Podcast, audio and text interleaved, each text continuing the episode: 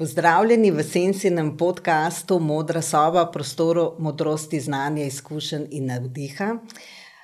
Naš sedanji gost, nocojšnji gost je Tomaš Masnak. Z njim se bova pogovarjala o tem, kje smo kot družba, kako smo do sem sploh prispeli in kakšni so zgledi za bodočnost.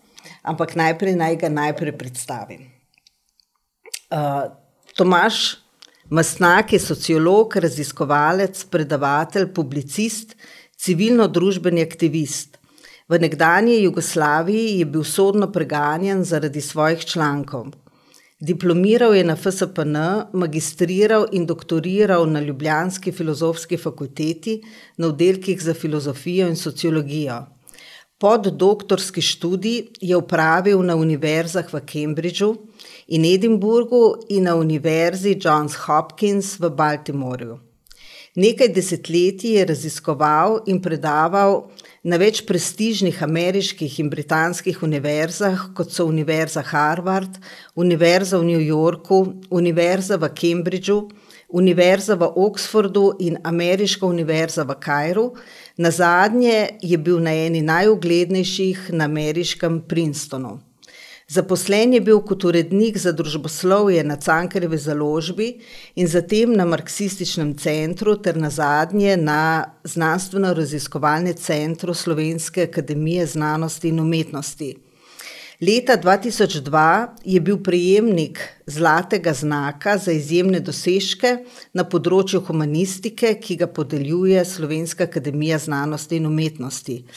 Je avtor številnih knjig z področja zgodovine, politične in družbene misli, uredil ali napisal je dobra dva ducata knjig, na zadnje Liberalizem, fašizem, neoliberalizem, išla je leta 2015, 2019 je išla Črna internacionala v dveh delih, na to bo na Partizan 2021 in letos COVID-ni režim. Tomaš, Pozdravljen in hvala, ker ste se odzvali na vabilo in prišli uh, k nam v studio razložiti tale naš čuden svet. Hvala za povabilo. Uh, najprej me zanima sledeče. Uh, vaše pisanje, ki ni ravno najbolj um, kako bi rekla, konvencionalno ali pa mainstream pisanje o problematiki današnjega časa, to pomeni COVID-na problematika, to, kar se dogaja za Ukrajino, epidemiološki ukrepi v času COVID-a in tako naprej. Skratka, veliko, veliko napadov. In me zanima, kako vi seveda z vsemi temi pač napadi in konflikti in nasprotujočimi mnenji, kako vi se na to odzivate, kako voste skozi te hude ure. Glejte, eh, ne gre samo za napade, gre tudi eh, za kar veliko um, izrazov podpore in strinjanja. Zdaj, kar je za avtorja, ki piše ali pa nastopa, vedno dobrodošlo, ker vidi, da prvič, da ne govori v prazno, in drugič, da ljudje uh, to sprejemajo. Ne nujno, da se s tem strinjajo, ampak da se mi zdi pomembno za uh, razmišljanje, da se mi zdi pomembno za ohranjanje neke zdrave atmosfere v družbi, v kateri živimo. Kar se tiče napadov. In, podobnih stvari, se mi zdi, da je, ve, da je večina tega na tako imenovanih družbenih omrežjih. Jaz teh družbenih omrežij ne uporabljam, tako da gre večino tega mimo mene in se neč ne sekiram, da zamujam. Včasih mi prijatelji, tudi žena, mi, mi uh, kaj od teh uh, objav uh, posredujejo, ampak to je verjetno malenkost tistega, kar je. Skratka, to me ne, ne prizadene. Eh, kritiko, krit, za, eh, kritika je vedno dobrodošla, tega se nisem nikoli izogibal. Tudi meni ni problem spremeniti mnenje ali mišljenje, če se pokaže, da sem pač uh, zablodil. Uh, ti to vrstni napadi, ki se, ki se um, uh, objavljajo danes v teh tako imenovanih družabnih medijih ali mrežjih po celem svetu, pa so večinoma pod intelektualnim nivojem, pod nivojem intelektualne razprave. Tako da pač delam naprej tisto, kar se mi zdi pomembno delati, kar se mi zdi, da je treba povedati in to povem in se ne oziram na to, kaj. No, to, to vrstni ste... ljudje in, in objave. Mm. To, kar ste rekel, pod nivojem intelektualne razprave. Ne? Kljub temu so to kamni, ki se kotalijo ne, eh, na, na teh omrežjih. In recimo občutek je, pa me zanima vaše mnenje, v 80-ih ste imeli tudi težave, ko ste pisali. Uh, moj občutek je pa, da je dan danes ta cenzura ali pa napadi na ljudi, ki mislijo drugače, ne, mnogo večja, kot je bila takrat v času, uh, recimo v zadnjem času tega pač našega uh, socializma. No. Uh, ta popolna uh, nepripravljenost dopustiti, da, dru, da lahko ljudje mislijo drugače, vidijo drugače, čutijo drugače, doživljajo drugače. Ta popolna netoleranca, ki že razrašča v agresijo, tega recimo takrat ni bilo. Ne.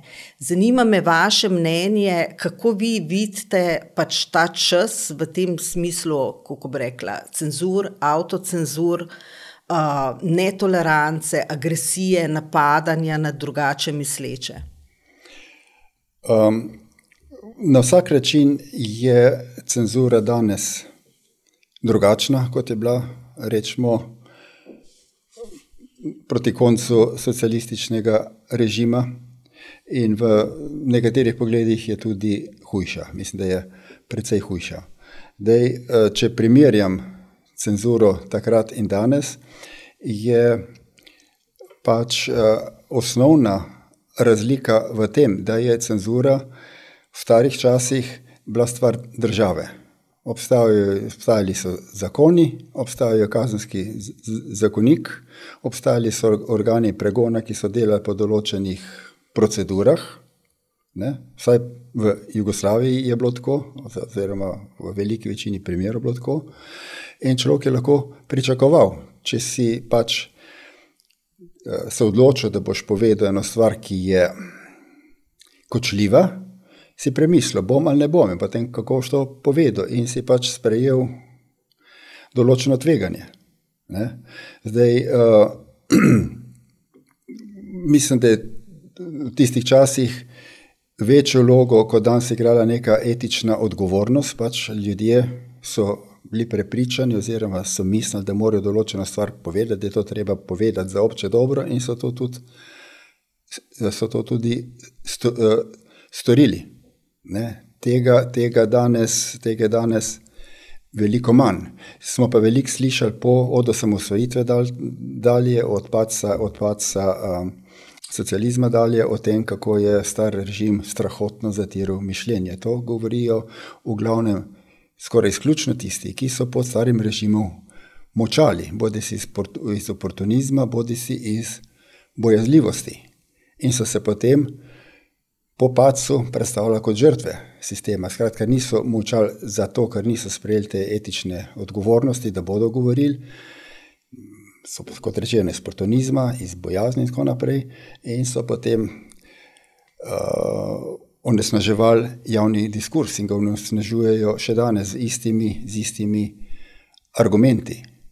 Uh, Medtem ko ljudje, ki so takrat se izpostavljali, uh, to vrstni, od, od teh ljudi, to vrstnih pritožb, praviloma ne slišimo. Zdaj, v čem je, je razlika? Kot rečeno, cenzura je bila stvar države in državnih zakonov. Država je javna oblast, ki je sama omejena z določenimi zakoni, kar omejuje njeno sfero delovanja. Skratka, so neke meje tega, kar lahko naredi. Če govorimo o kakor tok normalni situaciji. Danes je cenzura privatizirana. Cenzura je postala pri, privatna stvar izvajajo včasih v tako imenovanem javno-privatnem partnerstvu, to je zlasti značilno za novo cenzuro v Združenih državah, ki se tam širi tudi k nam. Javno-državno partnerstvo praviloma pomeni to, da si privatni interesi podrejajo javne inštitucije in uveljavljajo svoje interese skozi nje. Skratka, v tem javno-privatnem partnerstvu je glavni element privatno. Ne? Uh, veliko krat gre pa preprosto za privatne, za privatne uh, pobude, uh, razne organizacijske uh, oblike, ki to dopuščajo. Verjetno bo tem še prišla ti. Tako imenovani preverjevalci dejstev, in tako naprej. Ja. Mislim, kdo jim daje avtoriteto, da to delajo? Ja, ja, to, to, to, ni, to ni javna avtoriteta. Ja. Skratka, ampak, ja, skratka, to, kar hočem ti povedati, skratka, je velika razlika med tem, da je uh, cenzura bila stvar države in državnega delovanja, zdaj je stvar privatne, po, privatne pobude. Ko stvar privatne pobude postaja, postaja uh, delček občega splošnega brezzakonja in, in uh, omogoča uh, uh, raznovrstno samovoljo. Skratka, iz nekih mogoče ri, eh, rigidnih zakonskih eh, prepovedi oziroma omejitev, smo prišli na področje čiste samovolje. Kar šteje so neka osebna čustva, zamere, re, re, re, re, revanšizem. Ne? In zanimivo je, da veliko te cenzure prihaja iz tako imenovane civilne družbe. To ni več državna cenzura, to je cenzura, ki prihaja iz civilne družbe. In v tem smislu gre za, gre za uh, totalitarizem, ker ta trend vse večje cenzure vodi v totalitarizem, v bistvu gre za totalitarizem civilne družbe. No, ravno to me zanima, to sem vas hotel vprašati.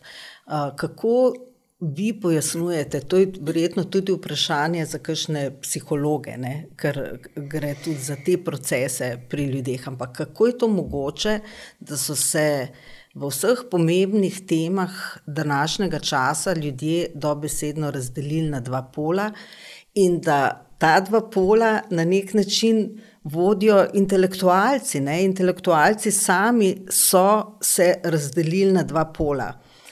Uh, kaj je s tem narobe? Narobe je to, da ni umestnega prostora, v katerem bi lahko v miru opazovali svet in da je dopuščeno, da imamo do te do sveta kritično distanco, preprosto. Samo kritično distanco, da, da je nujna ta opredelitev ali za en ali za drugi pot, pol. Ko se je to začelo že pri cepljenju v Ukrajini, skratka, karkoli se vznikne v današnjem času, nastane ta uh, polarnost. In uh, Zakaj, z, zakaj, kako prihaja do nečesa tazga? To tudi prej v zgodovini tega ni bilo na ta način. Na nek način se, se aplicira, na, na, se uporablja v uh, življenju družbe to, kar se je dotlej uporabljalo v zonani politiki. Skratka, gre za princip divide et impera. Pač eh, razcepi svoje nasprotnike in sovražnike na nasprotne pole in boš obvladal. To je delni odgovor na to. Očitno, očitno je, da vladajoče elite delajo na tem, da družbo razcepljajo ne na nasprotje, ker vsaka družba je po definiciji nasprotna, ampak da ustvarjajo tak tip nasproti, ki, med katerima ni možno posredovanje, ni možen razgovor, ni možna debata, ni možen kompromis. In potem uh, uh, imamo uh, položaj, v katerem ta dva družbena pola napadata drug drugega, oblast pa uh, mirno, nemoteno naprej uveljavlja svojo agendo. Ampak zakaj je ta vrtinec posrkal toliko intelektualcev, recimo tisti, ki so se izobraževali zato, da imajo do sveta kritično distanco, da so neutralni, da mutrijo. Zakaj je posesal pač celo družbo? Glede, mi mi, mi na, intelektual, na intelektualce ne moramo več gledati eh, tako, kot so gledali na nje romantiki, ali pa mm. kot smo gledali na nje v našem slovenskem primeru v času narod, narodnega prebujanja, skratka, teh narodno-budnih intelektualcev ni več, niti ni več tega uh, neodvisnega znanstvenika, ki odkriva resnico in tako naprej. To je stvar preteklosti. Tle gre, kar se znanosti tiče, gre za uh, velikanski znanstveni aparat, za velikansko infrastrukturo, sploh za, ko gre za eksaktne znanosti. Enostavno, če človek hoče biti znanstvenik, znanstveno raziskovati, se mora udinjati tistim, ki imajo to aparaturo, ki imajo to infrastrukturo. Ne? Pri uh, intele, intelektualcih, ki so bolj humanistično usmerjeni, je položaj podoben. Na splošno gledano, intelektualci so del vladajočih elit, večinoma. Kot del vladajočih elit sicer niso pri vrhu, ampak so nekje nižji razred znotraj vladajočega. Ne? In znotraj tega, znotraj tega a, a, a, razrednega položaja, oziroma skladno s tem razrednim položajem, upravljajo svojo funkcijo, ki praviloma ni kritična. To je funkcija, ki služi, ki služi oblastem, ki služi velikim ekonomskim, političnim interesom, tako ali drugače.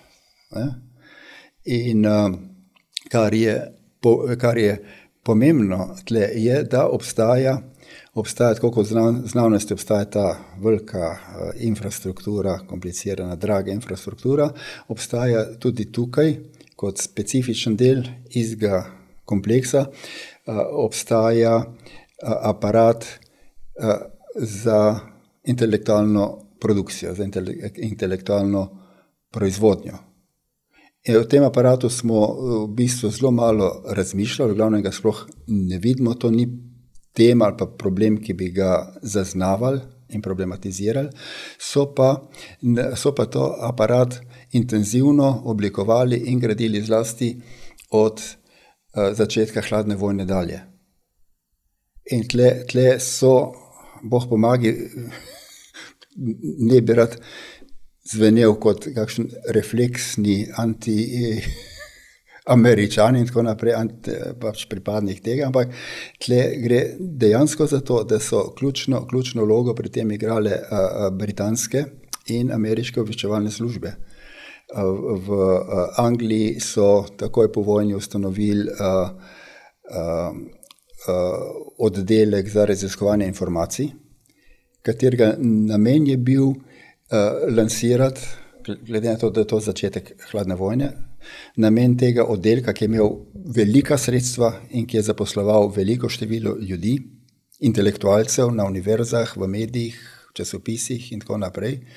Uh, namen tega oddelka je bil uh, uh, lansirati antikomunizem v intelektualno življenje.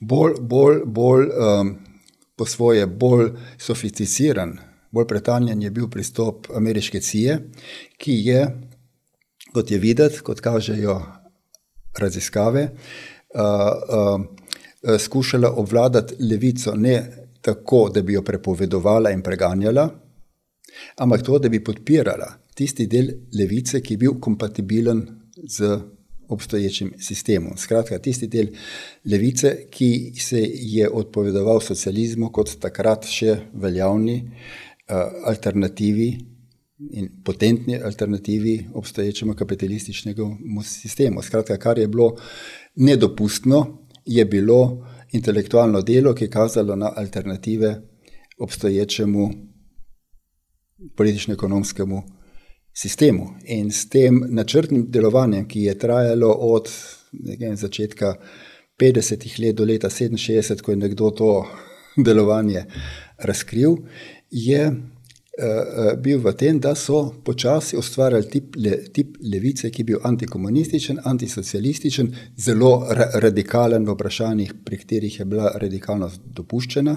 Dan se to kaže zlasti na področju identitetne politike, tle je lahko človek tako radikalen, kot si sploh mogoče zamisliti. Nič pa ne smeš reči proti, danes če govorim, nič pa ne smeš reči recimo proti imperialističnim vojnam, in tako naprej. Ampak, skratka, ta, ta, ta program je delal z, z, z pomočjo, tako da, je, da so uh, uh, organizirali kongrese, Mislim, cel projekt je bil, se imenoval Congress for Cultural Freedom, skratka, nek kongres za kulturno svobodo. In uh, organizirali so simpozije, uh, uh, založniške hiše, ugledne re, revije, ne, razprave javne in so v te razprave pritegovali v bistvu smetano leve inteligence, ki je vede ali ne vede, mislim, da v veliki večini ne vede, uveljavljala in počasi uveljavljala ta projekt ustvarjanja tako imenovane kompatibilne leve, levice. Levice, ki je na vides radikalna in kritična, ki pa, je, ki pa v ničemer ne preizprašuje temeljev obstoječega sistema. In mislim, da danes žanjemo sadove. Zapravo levica, ki je make-up levica, tisto, kar je uh, nedolžno, kar ni v bistvu tako problematično. To, ne, uh, recimo, problem identitete je nekaj, kar ne bo zarezal v družbeno tkivo, ne, uh, se podpira. Ja. Imperializem, ki je pa mnogo bolj problematičen, pa ne, ne tako pač. Ja. Uh, ampak uh, uh, kako, kako pa v, v, v, v sklopu vseh teh dogajanj je uh, tako eskaliral sovražni govor. Uh, zakaj in komu je v interesu tudi to, da je v družbi uh, nivo dialoga tako nizek ne? in uh, da je toliko pač sovražnosti in sovražnega govora. Glede, ne, ne, čist na kratko še nekaj dodam k temu, kar sem prej govoril. Skratka, ko govorimo o intelektualcih danes, to, kar nas in ko govorimo o tem, kako nastopajo ob takih dejansko uh, uh, radikalnih krizah, kot je, bil, kot je bila ta epidemija, kot je uh, uh, vojna v Ukrajini.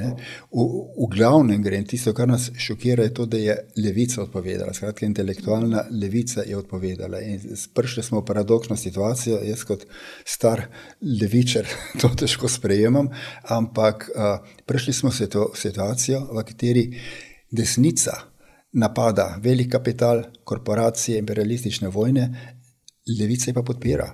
To je narobe svet, ampak to je in s tem se moramo sprijazniti, to moramo vzeti v račun, ko bomo uh, razmišljali o tem, kaj lahko naredimo v naši situaciji. Zdaj, ko govorimo o sovražnem govoru, uh, je, uh, gre tle. In o tem, zakaj ni, zakaj ni uh, v družbi razprave, zakaj je to sovraštvo. Ja, nizka nizka ja, ja. je v bistvu ja. grozljiva. Ne? Se strinjam, mislim, da gre za dve stvari. En je ta fenomen sovražnega govora.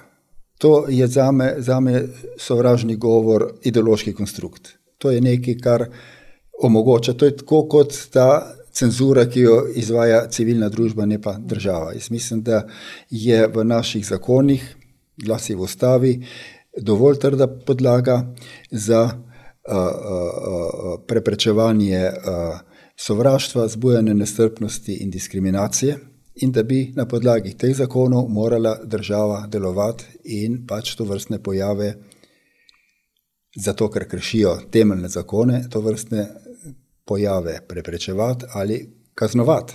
Ne? Skratka, rabel bi odgovorno državo na mesto odgovorne države imamo državo, ki služi ne vem kakšnim interesom, in civilno družbo, ki jemlje pravico v svoje roke. Kratka, kar se sovražnega govora, kot tega, te kategorije, o kateri veliko slišimo danes, eh, bi to rekel, pač meni se zdi to nek zelo nevaren koncept, kar, kot rečeno, omogoča brezzakonje in samovoljo.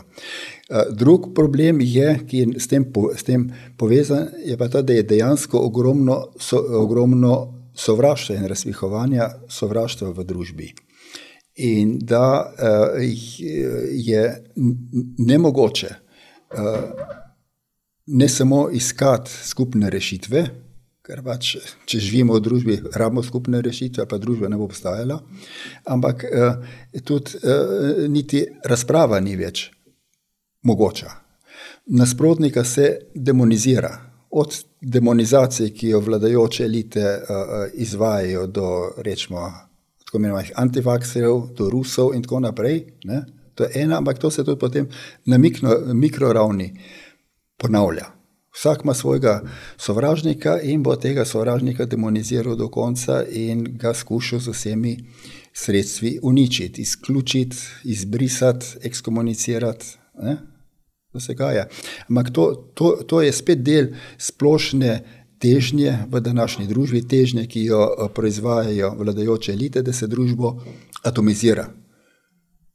Če je tok tega sovraštva, ki onemogoča, onemogoča eh, komunikacijo, onemogoča razpravo, onemogoča konc konce skupno življenje, eh, se iz družbe kot nekega avtonomnega mehanizma ustvarja skupek atomov, ki se zaletavajo drug v drugega in ki niso zmožni več kolektivne akcije, ki je bila potrebna, da, se situacije, smo, da bi se iz te situacije lahko uh, rešili. Kakšno urodje ali pa orožje je v, v, v teh konstelacijah fake news, to se pravi lažne informacije? O, pač, o, pregledala sem podatke, Tlele sem najdla enega iz uh, Univerze Ohio. Uh, navajajo, da je na Facebooku, ne, na omrežju, na mesec v poprečju 70 milijonov lažnih uh, novic, na Twitterju pa 4 do 6 milijonov. Se pravi, to je nek noro velik ja. pogon ja. ne, nekih lažnih novic ali pa karkoli dejstev. Uh, ki je lahko tudi eno od orodij orožij za to, da se ustvarja uh, nepopisna zmeda med ljudmi. Ne? Vse se ne ve več, uh, na koga se lahko sploh človek zanese, na kaj se lahko upre. Ta občutek, uh, da je svet uh, negotov, da ni stabilen, da ni urejen, je zelo velik. Ja. Na, na, na vsak način. Ne? Ta, ta, ta, ta uh, uh, Fake news je orodje, ki se je dejansko aktiviralo. Mislim, ne rečem, da tega ni bilo prej, ampak je postalo množično uporabljeno po izvolitvi Donalda Trumpa za predsednika. Takrat, takrat je to postalo uh, privilegirano sredstvo cenzure. Cenzure, ki so jo uporabljali poraženi ameriški demokratič, pač uh, establishment de, demokratske stranke za preganjanje nasprotnih mišljenj. Skratka, fake news je po izvoru ameriški in znotraj Amerike je to orodje za cenzuro, ki jo izvaja politična levica, oziroma tisti, ki se ki štejejo ali pa se štejejo za politično levico. In isto se potem dogaja po celem svetu. To je Amerika izvozila, oziroma mi smo EU in Slovenija smo to rade voljo uvozili in zdaj imamo iste probleme, kot smo jih na začetku lahko opazovali samo v Združenih državah. Zdaj, kar se kategorije fake news tiče, ne, skrati, lažne no, novice, je ta, je ta kategorija um, za, zavajajoča. Prvič je zavajajoča zato, ker mediji danes v bistvu ne objavljajo več, no, več novic. To je tudi eno zastarelih konceptov. Ti si kupil, včasih si kupil časopis, da si izvedel novice, kaj se dogaja po svetu. In tudi v naslovih so bile take novice, drugačne novice, časopise. Ne? Danes mediji širijo pripoved, ne določen narativ ali naracijo, ne, ne novic. To je glavni namen medijev, da, nas, da nam povejo, kaj in kako ne mislimo o čem ne mislimo, kako ne mislimo, in tako naprej. Zatka, pomembna je naracija. Vse to, kar se kaže kot neke novice, so v bistvu elementi tega velike, te velike pri, pripovedi, ki nas omrežuje. Um, drugo vprašanje je, kaj je kriterij lažnosti oziroma, re, eh, oziroma resnice. Ne? Če je novica lažna, glede na kaj je lažna. Ne? In tle v bistvu velja praviloma velja, da je lažna v razmerju do vladajoče pripovedi. Ne glede ne na dejstvo in tako naprej, ampak to je tisto, kar, ne, uh, kar se ne sklada z vladajočo pripovedjo, oziroma s pripovedjo, ki bi jo določene družbene sile, močne družbene sile, hotele imeti za uradno pripoved. Ne? In tako smo, tako smo uh, zaprti v uh, kroku, v katerem uh, uh, izgubimo, konc konca izgubimo stik z realnostjo. Uh, Re, re, resnice pa tako, tako ni več, ne? smo jo dekonstruirali in tako naprej. In, uh, uh, skratka, s, uh, s temi lažnimi novicami uh, pridemo v situacijo, v kateri, v kateri um, zgubimo, zgubimo možnost samostojne presoje, preverjanja dejstev. To, to, je, to je zelo, zelo perfiden način obvladovanja. Zdaj, če gledamo, včasih se to prevaja z de, dezinformacijami. Ne? Dezinformacije, eh, eh, eh, širjenje dezinformacij je bila do nedavnega, se pravi do teh zadnjih ekscesov, zadnjih let, je bila poglavitna dejavnost obveščevalnih služb, pa kakšna je bila CIA. CIA je širila dezinformacije. Danes CIA še naprej širi de, de, dezinformacije, jasno, ampak obtožuje svoje nasprotnike, da to delajo. Ne? In v bistvu, eh, v bistvu eh, eh, kakršne koli alternativne podatke, informacije, diskvalificira kot dezinformacije. Skratka, v imenu boja proti dezinformacijam se širijo dezinformacije in izključuje razprava na podlagi, na podlagi dejstev.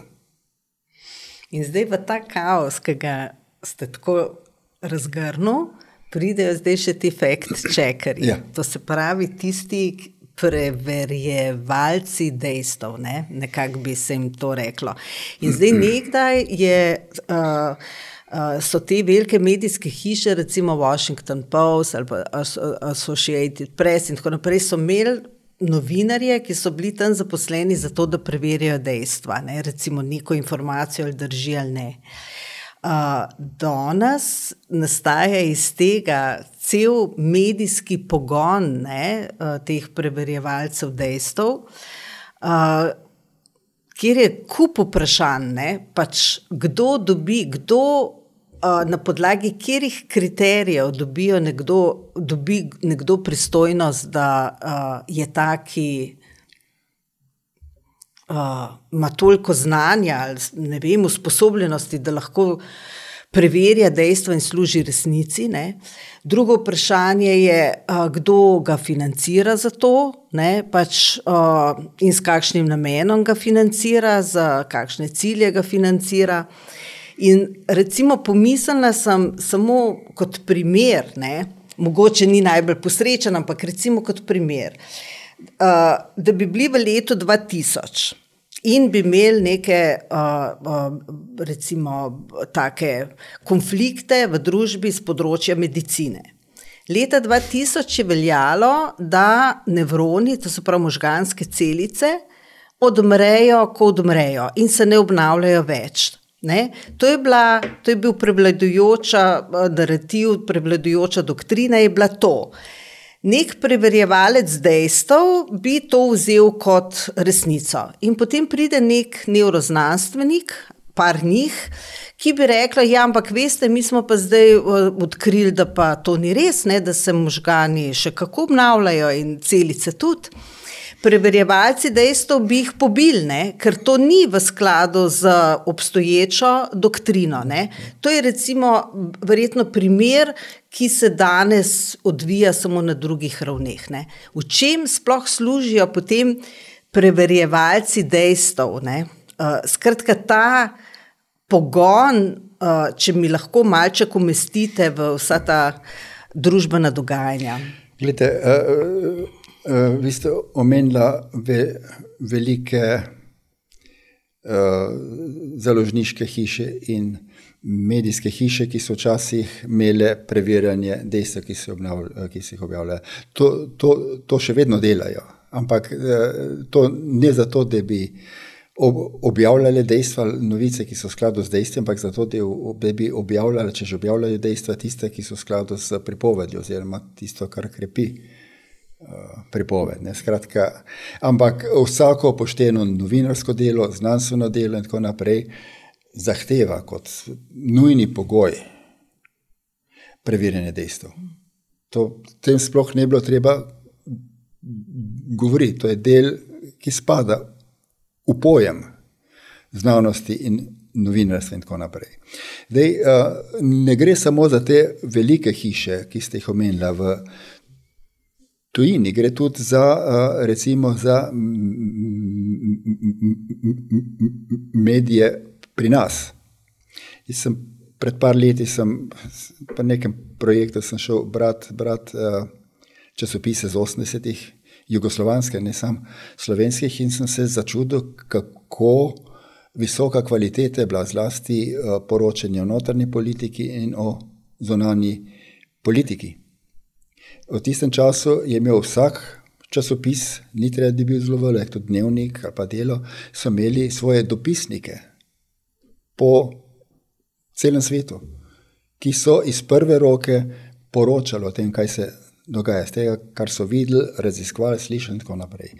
Danes nima dopisnikov, je dopisnikov komaj kaj, mislim, da jih lahko na prste en, en na roke, jih lahko preštejemo, koliko jih je. Na mesto dopisnikov in preverjanja dejstev imamo prevajanje agencijskih novic. To mislim, da je ena glavnih dejavnosti slovenskega novinarstva danes, je žal prevajanje agencijskih novic in to v slabo slovenščino, velikrat to, to berem, vidim zadaj angliške strukture. Ne? Ja, skratka, gre za prevajanje novic, ki so, mono, ki so monopol parih velikih agencij. Te agencije so pa vse v lasti ene ali dveh korporacij. Skratka, gre za prevajanje novic, ki so enake po vsem svetu, ki so krojene po interesih njihovih lastnikov. Dakle, to, to je velika, velika razlika med takrat in danes. In v tej situaciji, v kateri uh, ni več poročevalcev, v kateri v bistvu ni več preverjene dejstev, v kateri so novice kreirane glede na politično uh, koristnost tistih, ki imajo kapital, v tej situaciji se pojavljajo preverjevalci dejstev. Ne? In zdaj, kaj, kaj so ti preverjevalci dejstev in kaj so dejstva, ki jih, pre, ki jih preverjajo. Tle je podobno kot z dezinformacijami. Ta dejstva so ideološki ali pa diskurzivni konstrukti. Dejstva, če gledamo uh, uh, uh, zgodovino COVID-a, na začetku COVID-a je, je bil vzpostavljen nabor dejstev tisto, kaj je štelo za dejstvo. To v glavnem so delali v Svetovni zdravstveni organizaciji in v CDC v Ameriki, skratka, njihovi zdravstveni, tej glavni krovni organizaciji. Skratka, izumili so dejstva in potem od takrat naprej so vse izjave kogarkoli, ki je imel drugačne ideje in predloge, kako re, reševati COVID-no krizo, kako zdraviti ljudi in tako naprej. Vse te ljudi in njihove izjave, predloge, zahteve so primerjali z dejstvi, svojimi dejstvi. In če niso se skladali z dejstvi, so rekli, da je to proti znanosti. In so jih izključili. Skratka, dejstva so konstrukt, bila, ne? ideološki konstrukt. In uh, pri uh, preverjanju dejstev ne gre za to, da bi preverjevalci dejstev preverjali, kaj so dejstva, ampak v bistvu preverjajo Eh, preverjajo skladnost izjav, ki skušajo priti v javnost, s, s tistim, kar oni imenujejo dejstva. Skratka, svojimi ideološkimi konstrukti, s svojo interpretacijo. Lahko, dva, dva, dva primera lahko recimo dam. En je, en je recimo, eh, se veže na COVID. Do nedavna so nas, vsi, so nas te oblasti, znanstveno-politične oblasti, prepričevali oziroma eh, nam povedali, da tako imenovana cepiva proti COVID-u preprečujejo širjenje, eh, prenos in širjenje okužb. To je bilo dejstvo. Ne? Kdor je na podlagi statističnih podatkov in celo tistih podatkov, ki so jih uradne inštitucije v teh državah, ki so sicer razglašale ta dejstva, objavljale, kdo je na podlagi teh podatkov argumentiral, da a, a, cepiva očitno ne širijo, ne, ne, ne preprečujejo okužb, ampak da pre, okužbe prenašajo tudi cepljeni, ta je bil obtožen izkrivljanja dejstva. Skratka, to, to, tega so pa reči, to, to, to pa se ne sklada z dejstvi. In so ga ekskomunicirali, skenslali, učitelj, ukinili na določeno stvar. Ne. Zdaj pa je po, po nastopu te Pfizerjeve direktorice za razvita tržišča, gospe Smol v Evropskem parlamentu pred dvema, trema tedni, pa vemo, da so od začetka vedeli, da Pfizer niti ni preizkušal cepiv, tako imenovani cepiv, glede na to, ali eh, preprečujejo okužbe ali ne. Mislim, to je, kar je absurdno, to, to ni cepivo. Če ti nekaj narediš, kar ne preprečuje okužb, je to zdra, mogoče zdravilo ali karkoli. Ampak, skratka, oni tega niti niso, niso, niso uh, delali preiskav, to ni bil del, del, uh, uh, del uh, načrta za izdelavo cepiva. Ne? Po drugi strani se je pa to, ve, se je to vedlo že mislim, od oktobra 20, ko je to bilo objavljeno, mislim, da v British Journal of Medicine, da se to dogaja. Ampak kljub temu, kljub temu je do nastopa te uh, uh, gospe veljalo, da to ni res. Skratka, dve leti so nam vede lagali. Zdravniki, politiki, eh, eh, strokovnjaki in tako naprej. In to je bilo laganje v imenu spoštovanja dejstev. V bistvu so ohranjali nek ideološki konstrukt. Ne? In zdaj, ko je to bilo razkrito, še naprej lažejo. Oziroma, lažejo. Eni direkt lažejo, drugi dajo neodgovorne izjave, za katere bi, glede na to, da te izjave lahko vplivajo na življenje in smrt ljudi, to eh, tvegajo kazensko odgovornost. Ti, ti, ti ne moreš dajati izjav, ki lahko nekoga stanejo življenje neodgovorno, fri, frivolno, kot se to dela. Ampak to je vse, kot rečeno, v Eh, eh, to so dejstva. Ne? In preverjevalci dejstev teh izjav, ki prihajajo z vrha, nikoli ne preverjajo. Preverjajo izjave, ki vladajoči naraciji nasprotujejo. Drug primer, tipičen je recimo, je recimo eh, ta pokol civilistov v Buči, v Ukrajini. E, če gledamo na zahodnih medijih, velja za dejstvo, da je to ruski vojni zločin. Ne?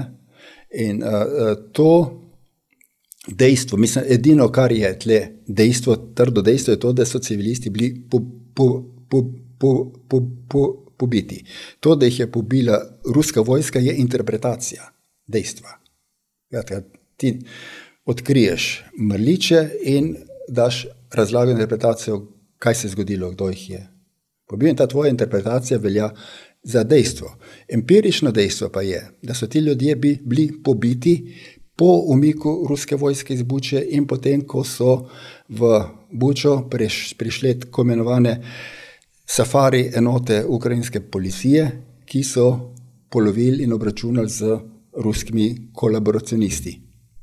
Ampak, če ti omeniš to dejstvo, empirično dejstvo, si v nasprotju z dejstvi in si in, in, instantno postaneš žrtev preverjevalcev dejstev, ker se to ne sklada, ker se to dejstvo ne sklada z interpretacijo, ki jo oni imenujejo dejstvo. In tako smo v tem začaranem krogu, ne, v katerem uh, nekdo, ki, ki ni eh, v poziciji moči, v bistvu ne more parirati. Dej, ampak še, še to, ne, ja, dej, ja.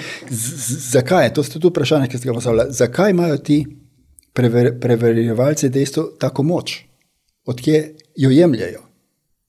Zakaj se, jaz, ne, zakaj se jaz ne morem postaviti v vlogo preverjevalca dejstev? Ali, ali, ali, ali pa vi, vi tudi, vi tudi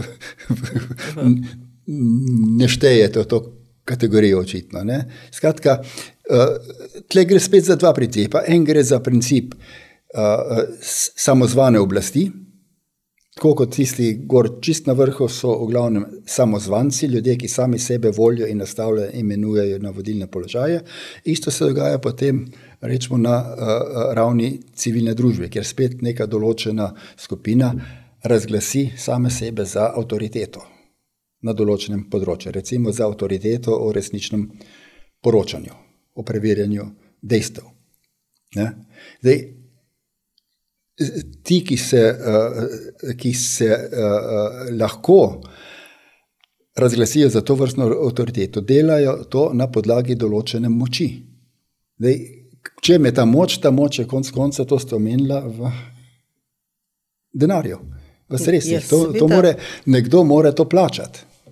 In tisti, ki to brez denarja, ti danes ne moreš narediti nič, oziroma lahko narediš kaj malega, ampak tako v javnem življenju. Eh, če govorimo o projektih, ki bi lahko intervenirali v javni prostor, imeli vpliv, tle rabiš denar.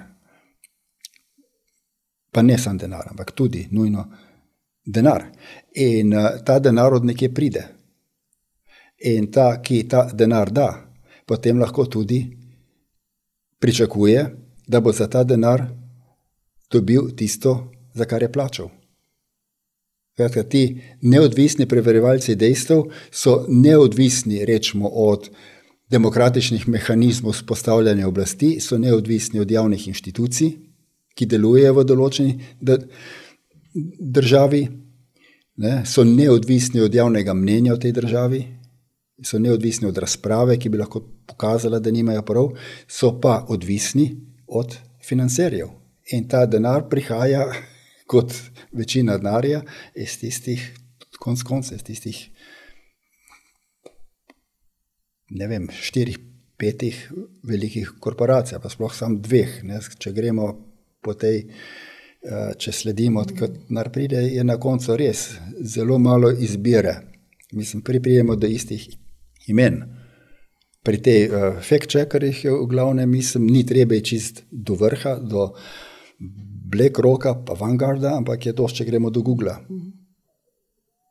Še, še, ena, še en mehanizem v tej konstelaciji uh, teh družbenih procesov, še en mehanizem je, ki je tudi zelo uh, se porodil v zadnjem času in to je ta cancel culture. Ne? Ki je tudi, to se pravi, mehanizem, s katerim se nekoga izloči, degradira, um, razvrednoti, ne, recimo njegovo strokovnost, in ga uh, pač izloči od strani iz, kot playerja, pač iz. Ja. iz Kroga, v katerem on deluje. Ne. To je tudi eden od pač novejših mehanizmov, uh, Uh, že prej gotovo je bilo tudi to, ampak da bi se tako množično to uporabljali, je verjetno to produkt, uh, rezultat tega časa zdaj. Ne? Je, je. ampak bom, bom, pa ne, bom pa nekaj rekel, kar je lahko zamete. Za res, pa ne čez, za res. Ne. Uh, v bistvu smo Slovenci imeli cancel culture že pred 30 leti. Tukaj smo bili avantgarda ko smo izbrisali tako imenovane neslovence. Ne to je tipična poteza tega, če morda danes rečemo cancel culture, ampak v drugem kontekstu. Kar je isto, je, je to, da tako takrat, kot zdaj, gre za zlorabo oblasti in moči. To ostaja. Ne? No, ampak tudi, eh, recimo, ki ste jih ta primer omenili, jaz sem bila takrat na mladini. Ja. In uh, prvi tekst, ki je nastal, ne zdaj, da bi se hvalila, ampak to je ja. dejstvo, pač je bil moj tekst. Ne. Čestitam. Ja, zdaj sem zelo ponosna na to. Res. Uh, pač, uh, takrat je bilo pa nekaj samoumevnega. Ne. Ja. Uh, ko se je videl, seveda, kaj se dogaja. Uh, sploh glede na to, da potem, ko je prišlo do. do, do um, tega, da, da jih je nekako uh, krivic uh, brano. Ne? In ko mi je uh, gospod čez po tolikih letih pripovedoval, kako so za njim pluvali na cesti in tako, skratka, skozi kaj je šel, uh, zato ker jih pač brano. No, to, to je recimo en tak uh, nepopisno hud madež, uh, ki ga je proizvedla naša. Uh, kultura. Ampak to, kar sem hotel, mislim, kultura, ja. družba. Ja. To, kar sem pa hotel vprašati, je pa sledeče, da tudi takrat, tako kot danes, je bilo boleče opazovati, koliko mal nas je bilo. Ja koliko nikoga, kako so vsi zginili, uh, da bi karkoli se postavili ali pa zahtevali neko, ne vem, pravna država, neke mehanizme. Čez deset let, ko je bilo že ugotovljeno, da, uh, seveda, da je bilo to protipravno, še vedno ni bilo ti volje in uh, da bi se to pač krivico nekako popravili. Tisto, kar pa najbolj boli, da se je pa to dogajalo. 20 let v času, ko je bila glavnina vlad, pač kao levih. Ja. In to se še vedno ja. dogaja. Glede, ja. uh, uh, to je, to je um, za dve, tri vprašanja so tle. Ne? E, eno je to, zakaj, ko se ga zastavlja, zakaj ljudje niso re, reagirali. Ne? Če gre za zlorabo moči in oblasti imaš opravka z oblastjo, ki so tisti, ki jo imajo pripravljeni zlo, zlo, zlorabiti. Zato se ljudje, nekateri, raj umaknejo, da še sami ne fašajo. Ne? Eh, po drugi, strani, po drugi strani pa gre za to, da take poteze dejansko prepričajo dost ljudi, da so pravilne in da to treba delati. In kar je, kar je ironija, zelo britka ironija v vsem tem je, da se ta cancel culture velikrat izvaja v imenu demokracije, začita človekovih pravic, svobode govora, tako kot fact-checkeri, pa fake news, to je vse v interesu. Ta cenzura se vsa izvaja v interesu demokracije, uveljavljene demokracije. Tako kot se je takrat pri nas, kot, kot se je še zdaj. Ne?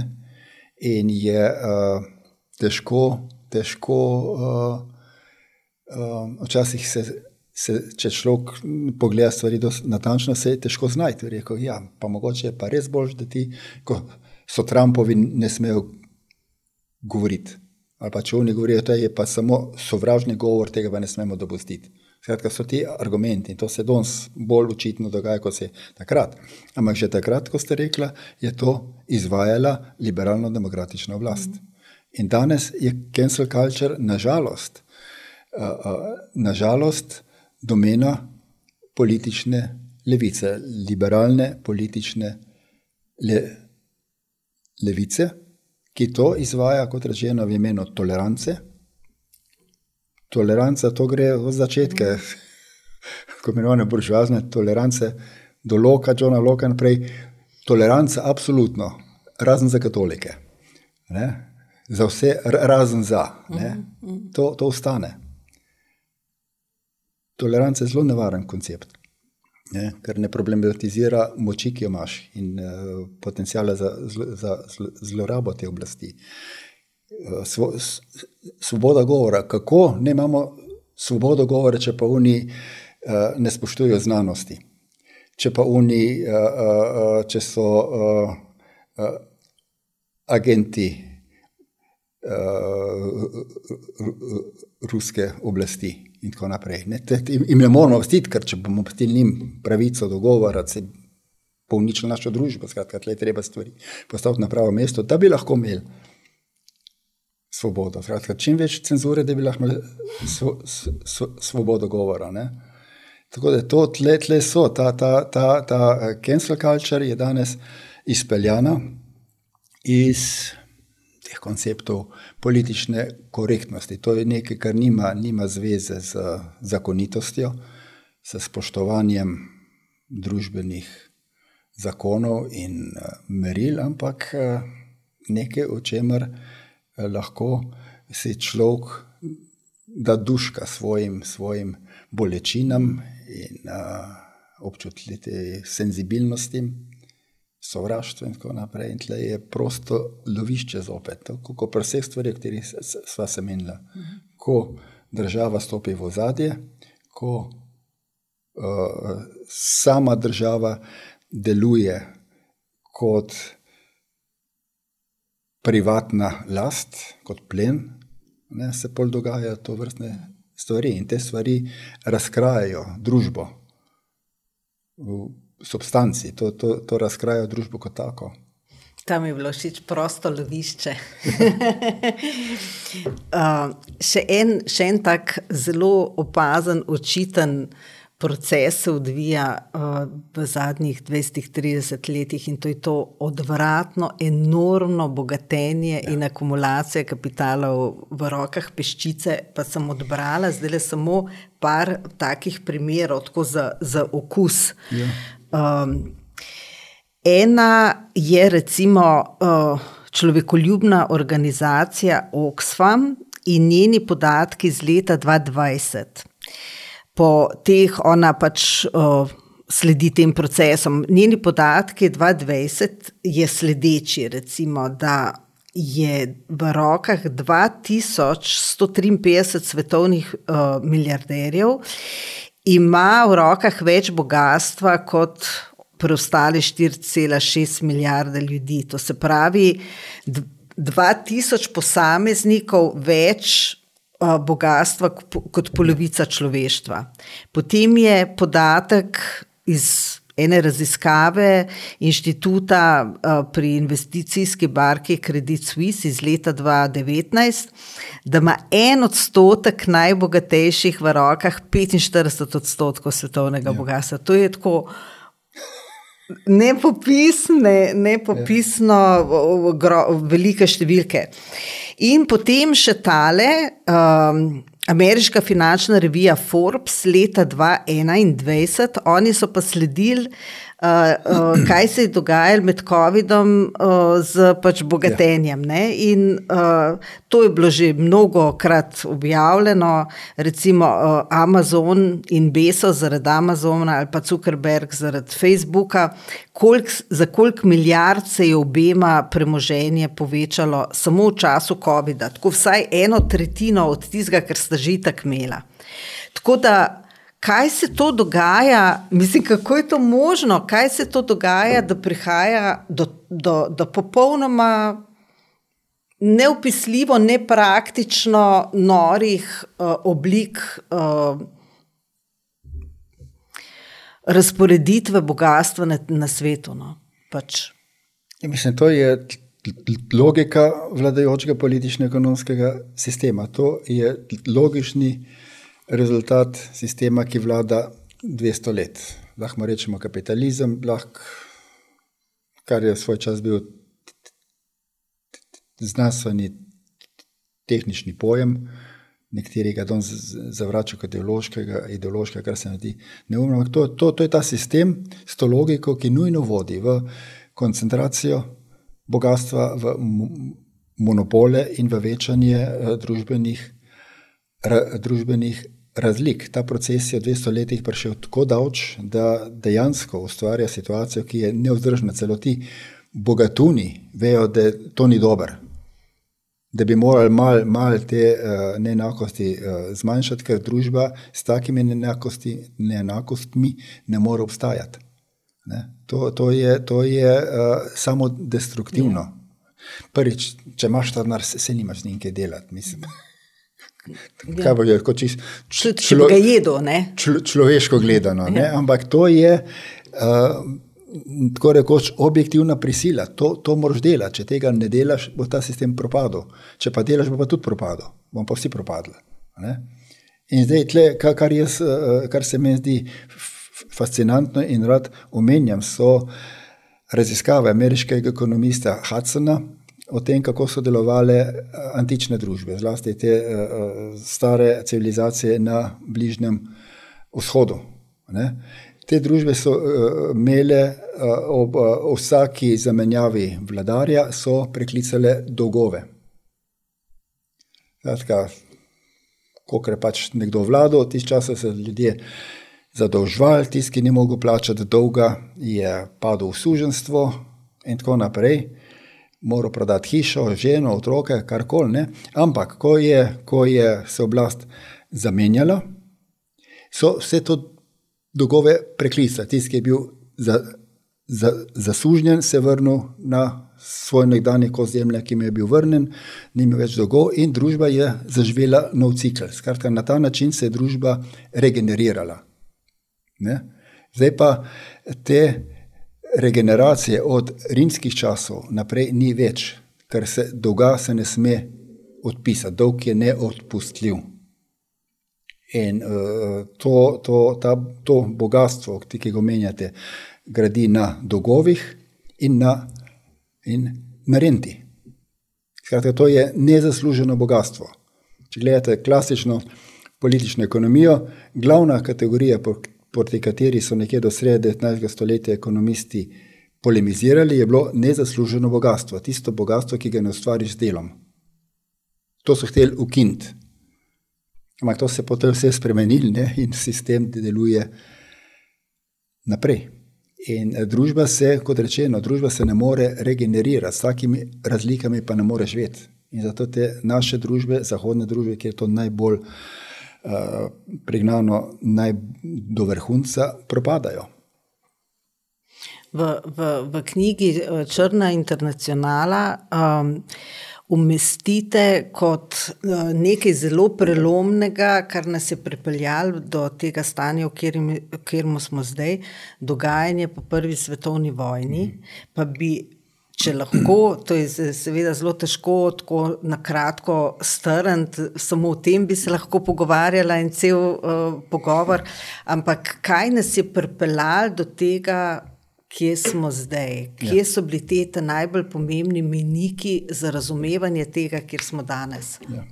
Lete, meni se zdi najpomembnejše takrat to, da so se po prvi svetovni vojni, zlasti na uh, Versajski mirovni konferenci, uh, zbrale zahodne politične elite in ekonomske elite in so se reorganizirale.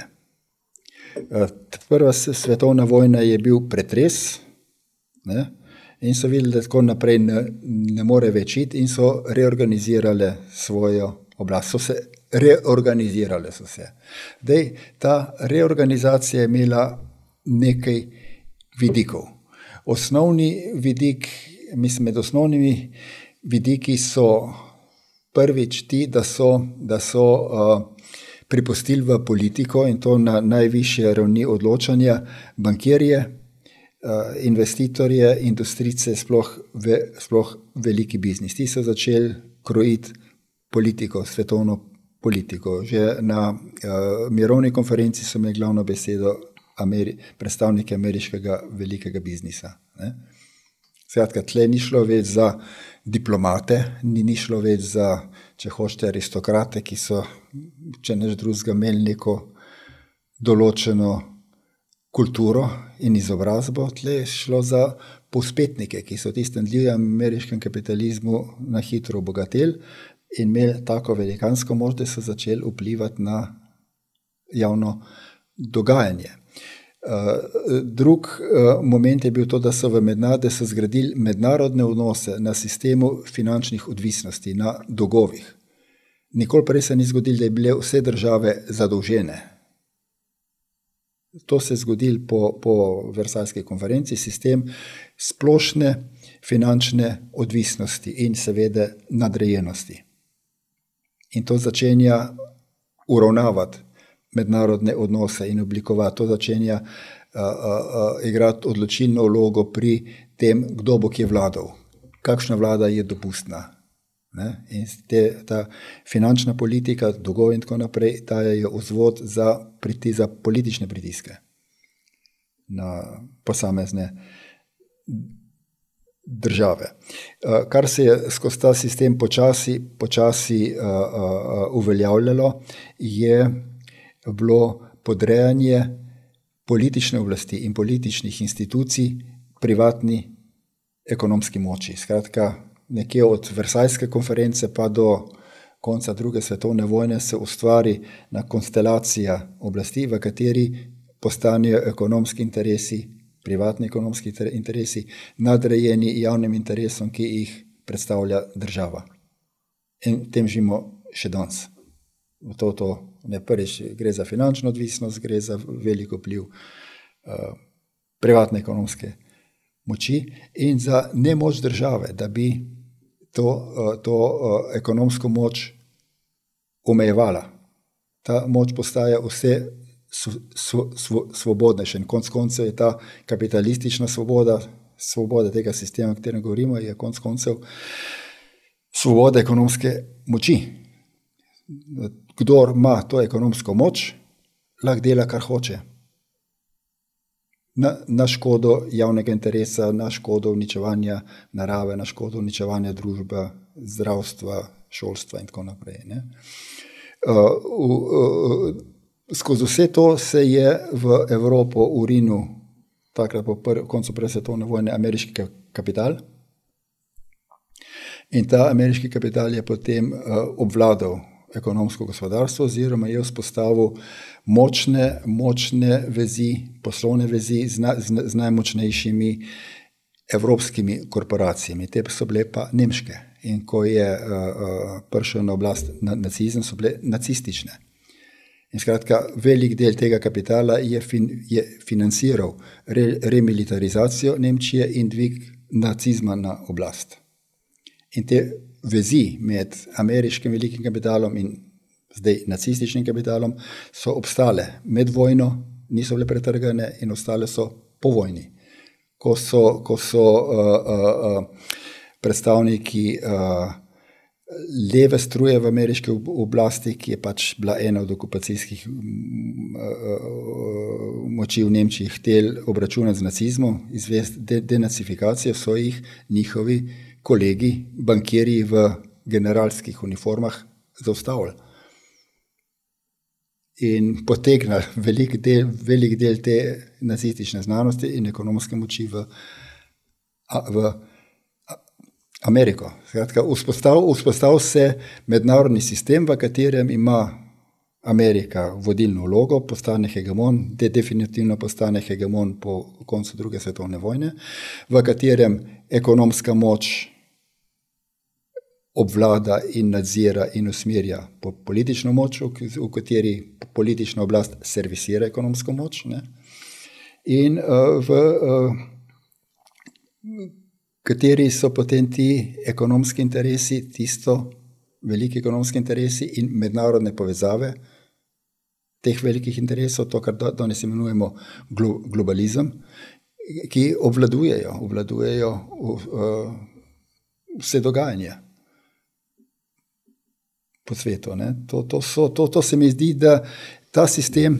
Ta mednarodna ureditev je bila vzpostavljena, temeljni te mednarodne ureditve so bile vzpostavljene po koncu Prve svetovne vojne in značilno za to spostavitev te nove, nove ureditve je to, da so izključili, da so, bili, da so ti ukrepi v mednarodni politiki, sistem, eh, oblikovanje sistema teh finančnih odvisnosti, bili spremljani na notranjem političnem prizorišču z, z onemogočanjem kakršne koli opozicijske politike, kakršne koli uh, opozicije. Skratka, vse, kar je veljalo za opozicijo, je bilo črtano. V mednarodni politiki je mirovna konferenca v Vrsaju sprožila vojaško intervencijo v sovjetski Rusiji, na domačem, na domačem področju pa so stopili v vojno proti organiziranemu delovskemu gibanju, proti sindikatom, proti uh, uh, intelektualcem, ki so bili kritični do obstoječega sistema in začeli uveljavljati. uveljavljati Um, obladovanje, obladovanje družbe s pomočjo manipuliranja javnega mnenja. To postane, če gledate družboslovno literaturo, javno mnenje postane velika kategorija ravno v tistem času. Takrat se pojavijo knjige in študije v javnem mnenju in hkrati o tem, kako se to javno mnenje da manipulirati. In glavni investitor in glavni uporabnik ugotovitev raziskav o javnem mnenju so bili veliki ameriški industrijalci. Takrat, ko je po uh, uh, ekonomskem krahu, po veliki ekonomski krizi 29-31, takrat, ko je pač uh, potem v Ameriki bil, kot rešitev, uh, bil kot rešitev peljan New, New, New Deal, so industrijci in neodgovorna ekonomska oblast ne, uh, postali predmet javne kritike. In da bi to kritiko preprečili, so industrijalci razvili znanost, družboslovce, angažirali družboslovce, psihologe in tako naprej, ki so jim pomagali ustvarjati uh, pozitiven imič osebi v družbi. In veli, velik del teh manipulacij, javnega mnenja, PRS in tako naprej, to, to spada, to, to se začenja kot del tega sistema. Tam so zametki. Ja, ja. Uh, še to me zanima, uh, Tomaš, če lahko umestite. Uh, Vsaj po, po drugi svetovni vojni smo to spremljali uh, neprestano, ustvarjanje kriz in ustvarjanje novih vojn. Ja. Kot da je to, uh, kako bi rekla, del celega dogajanja. Ja. Uh, ta del, če, mi, če lahko razložite. Glede, to, to tudi gre nazaj do Vrsaja. Ne? Ko so se ti uh, zahodni po, politiki in uh, biznismeni zbrali v Vrsaju, so ugotovili, da je svetovna vojna uh, pretrgala ekonomske tokove. In so rekli, da to se ne sme več ponoviti. In zdaj lo, logičen zaključek, uh, sklep bi bil vsakega poštenega človeka, da je mir. Dajmo preprečiti vojne. Ne. Ti ljudje so vključili vojno, integrirali vojno v ekonomski sistem. Vojna postane del vladajočega politično-ekonomskega sistema. Tako da to, to, še, to, še, to, to velja še danes. Ta vojna je del ekonomije. To ni nekaj, kar ekonomijo, ekonomijo uh, gospodarstvo uh, uh, zaustavlja, paralizira. Ne, to je tisto, kar gospodarstvo, ta vladajoče ekonomske sile krepi in hrani. In zato imamo dejansko, imate prav, od zlasti od konca druge svetovne vojne naprej smo na nek način v permanentni vojni. Ni, ni leta, da bi ne bilo vojne. Da ne bi bilo nekje neki, ja. nekih hudih. Tako, ne? tako. Ampak poleg tega so pa še te krize. Ja. Lahko so vem, ekonomske krize, zdaj je bil, bila epidemija. Tudi te krize so del sistema. Ja. S krizami se sistem obnavlja na nek način. Zdaj, na, na, na krizo lahko gledamo kot na nekaj, kar nas doleti, kot neka naravna nesreča. Ne? In se pa moramo rešiti, in moramo kri, krizo rešiti. To je naivno gledanje. Ne? Bolj realistično gledanje je, da, so, da je mnogo teh kriz induciranih, skratka, so nekako ne bom rekel načrtovane, ker to eh, ja, je tako, kot je zarote. Vse so zarote tudi. Mislim, jaz, ja. jaz verjamem, da zarote so. In imajo teoretiki o zarotah, imajo ve, ve, ve, veliko, kar pravijo. Kar hočem reči, je to, načrti, to vrsti načrti se nikoli ne uresničijo, tako kot so bili, za, bili za, zamišljeni. Če je še tako močan tisti, ki te načrte ima, Če imaš tako moč, pa tako vojsko, nikoli ne bo šlo tako, kot si je. Zamišljam. Ampak na nek način pa te krize so dopuščene, sprožene ne? in uh, uh, v vsakem primeru pa jih vladajoče elite ali elite oblasti izrabljajo za konsolidacijo svoje oblasti. Če gledate krizo leta 2008, vsi smo uh, takrat rekli, da to je pa konc neoliberalizma. Zdaj je pa jasno, da tako ne gre več naprej. Kaj se je zgodilo? Te neoliberalistične sile so se še ukrepile. Skozi krizo so dosegle še večjo moč in delale ne samo po starem naprej, ampak še bolj radikalno. Covid-na kriza je isto. Kaj se je zgodilo v COVID-ni krizi? Cela, celo gospodarstvo je, je uh, paralizirano, mala in srednja podjetja propadajo. Ne? Ljudje izgubljajo domove. Se, če gledate na Ameriko, so milijoni in milijoni ljudi, ki so izgubili streho nad glavo, in vse to premoženje si prilašča, ne, nepremičnine, podjetja, ne, vse to si prilašča pol tiste velike korporacije. BlackRock ima zdaj celo pogodbo z to njihovo centralno banko, da v bistvu so menedžerji centralne banke na nek način. Skratka, kar se je zgodilo skozi to krizo, ko je gospodarstvo bilo razsute, je to, da se je ta del gospodarstva, ki je uh, po svojem bistvu uh, izkoriščevalski, ki uh, uh, sloni na, na grabežu in kraji se je ukrepil s pomočjo vladnih subvencij. In tle je spet jasno, da vlada dela za te velike korporacije, ne za ljudstvo, ne, ne za uh, podrejeno prebivalstvo.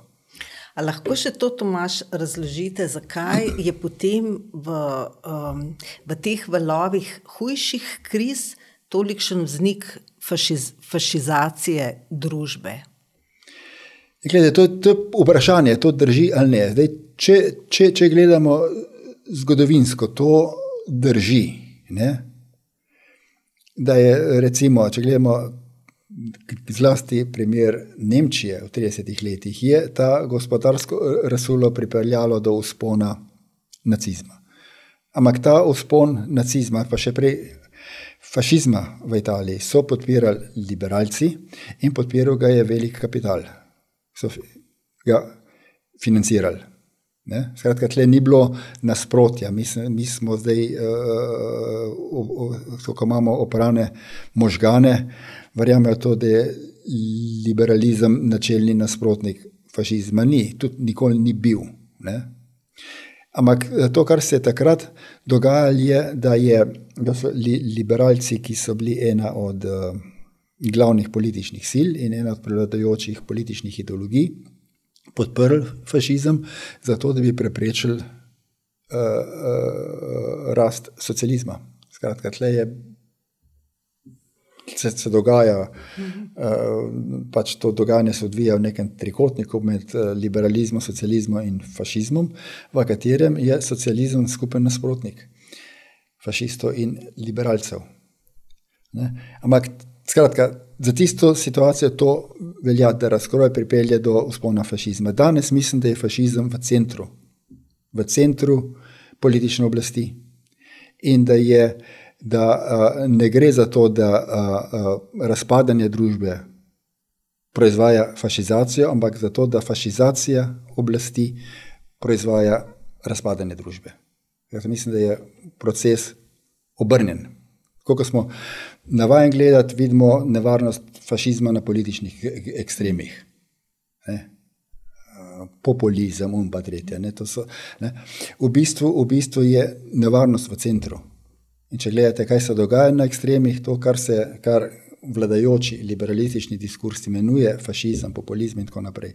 Tle so v bistvu, uh, nažalost, alternative obstoječem sistemu in del teh alternativ je bolj, mogoče bolj grozljivih od sistema samega, ampak tle dejansko gre za sile, ki na, nasprotujejo statusu quo. In če gledate strogo, je vprašanje, koliko so fašistične. Zato, kar se dogaja v centru politične oblasti, pa lahko rečemo, da gre za fašizem, če pod fašizmom ra, ra, ra, razumemo težnjo po, težnjo po um, končanju politične reprezentacije, skratka na to, da je oblast izraz volje ljudstva. Skratka, ta, ta, ta uh, politično predstavništvo je v fašizmu izbrisano, je suspendirano. To se dogaja danes. Glejte situacijo v Evropi. E, Evropi vladajo neizvoljene elite. Ne? Skratka, to niso predstavniki ljudstva več. Skratka, gre za odpravo suspendiranja političnega predstavništva, gre za uh, podrejanje uh, uh, uh, opozicijskih sil. Glavna opozicijska sila za fašizem, za zgodovinski fašizem, bila delovsko gibanje. Te pravice so tudi danes kršene, vedno bolj. Če pogledate Ukrajino kot model demokracije, o katerem govorijo zahodni mediji, eh, oblast v Ukrajini sistematično ukinja delovske pravice. Potem, gre, potem pa gre za to, da ta sistem omogoča korporacijam, da vse bolj neposredno obvladujejo prebivalstvo. Skratka, ne gre več za sistem, v katerem je oblast posredovana z zakoni in pravicami, ampak gre preprosto za brutalno silo, za tiste, ki imajo ekonomsko moč, tisti imajo svobodo, da delajo, kar hočejo. In ta, ta, ta sistem ne prihaja iz obrobja političnega sistema, to prihaja iz centra, to prihaja iz Brusla, iz Washingtona. Jaz bi mogoče sam temu dodala še to prekarizacijo. Ja. Uh, um, ogromna količina ljudi, ki ni več zaposlena, ne, se pravi, nima rednega dohodka in vsega tega, ampak je na trgu kot uh, samozaposleni in se more pač preživeti. Uh, uh, sama. Tako da to je tudi eden od načinov, na katerega se uh, odtegujejo neke elementarne pravice, ki Absolutno. so bile pač vedno del uh, neke varnosti in stabilnosti z, v družbi za ljudi. Ne? Se strinjam. Ne? Tako da ta je tudi še en vidik.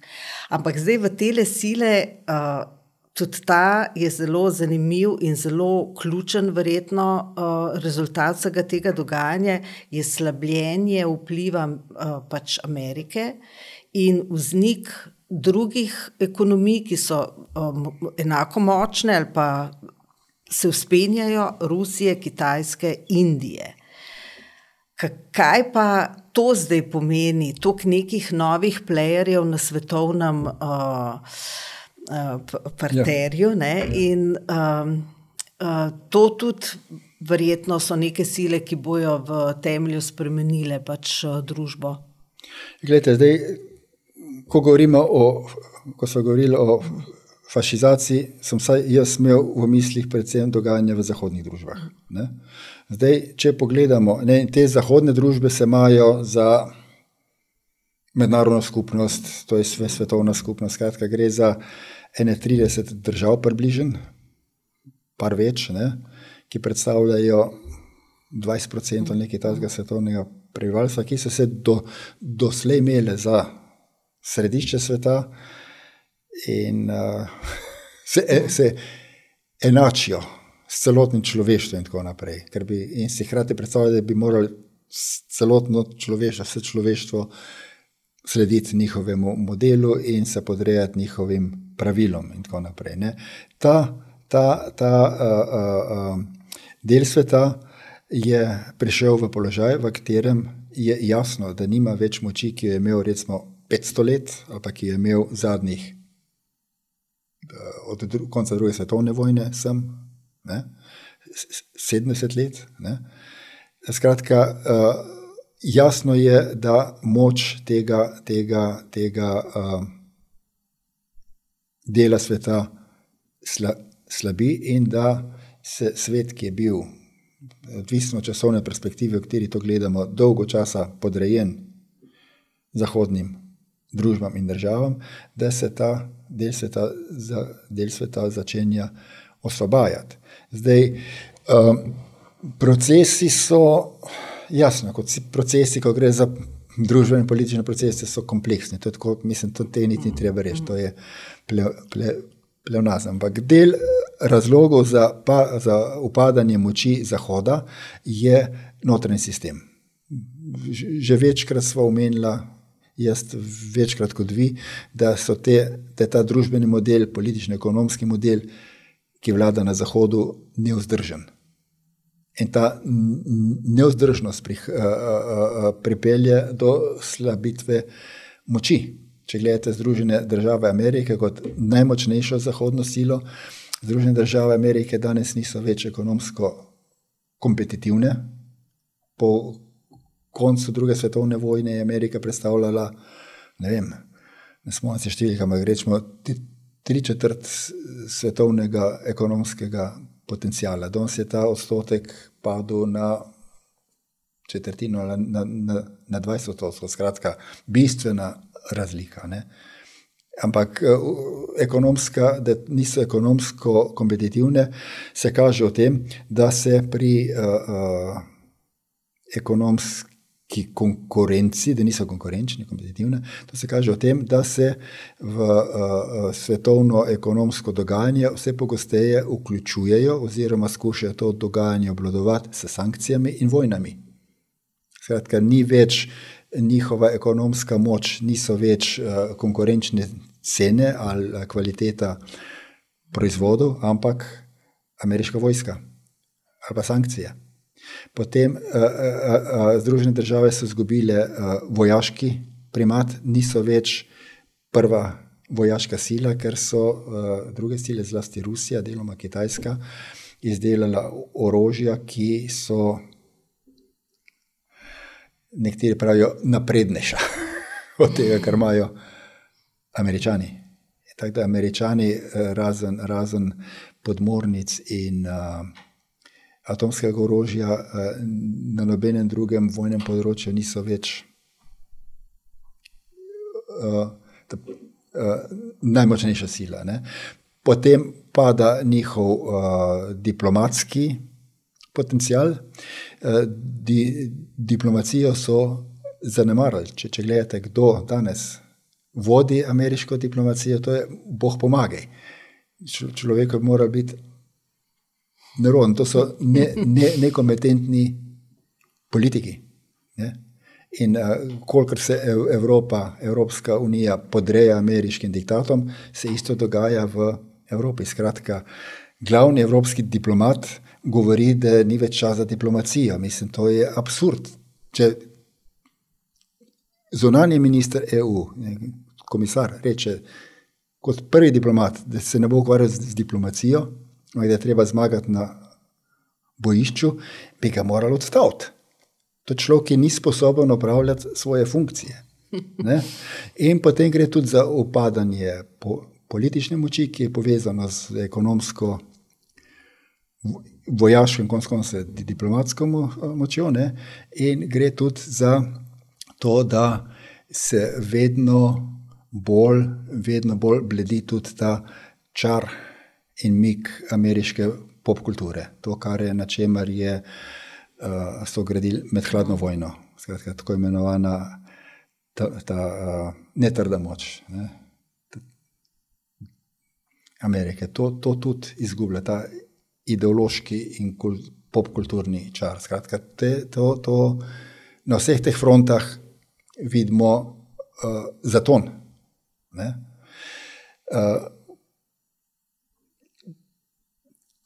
ta zaton je pa nekaj, kar česar ne sprejemajo. Še, še, še, še vedno se imajo američani na prvem mestu in Evropa z njimi za nekaj boljšega, za nekaj posebnega. Nekaj za, za njih ne veljajo zakoni. Svet more delovati ne po mednarodnem pravu, ampak po pravilih, ki jih postavljajo oni. Ne?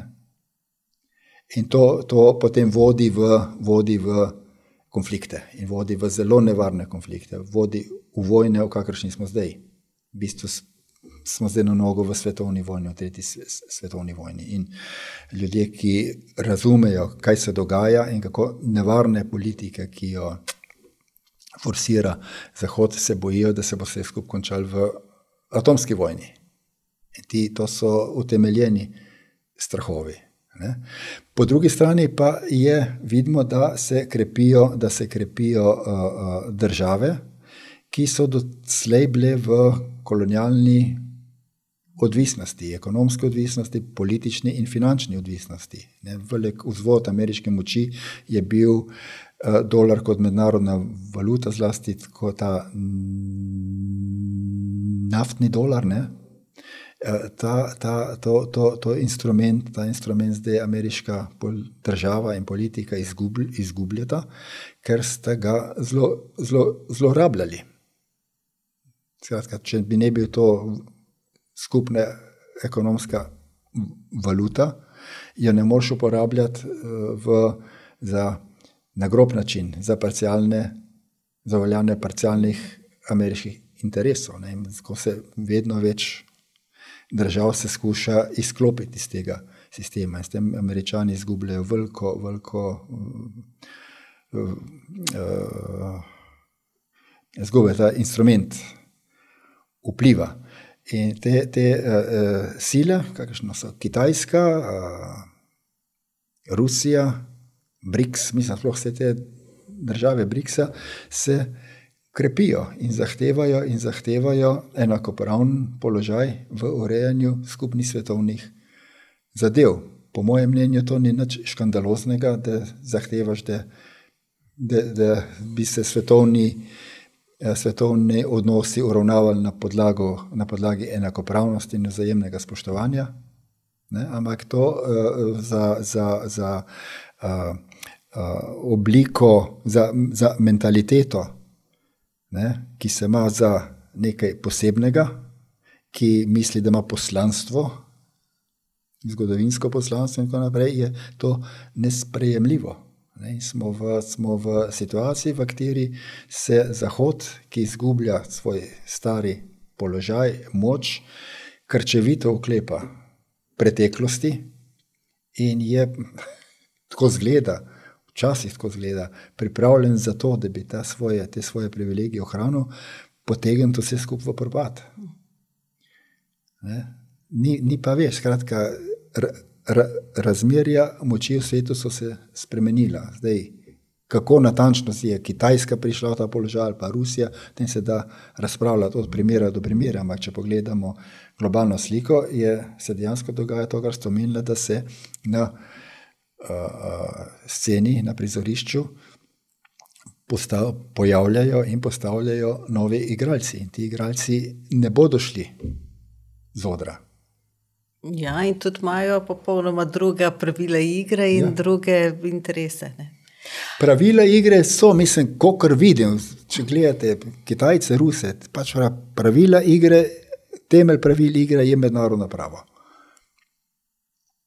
In spoštovanje soverenosti, vzajemno spoštovanje soverenosti držav.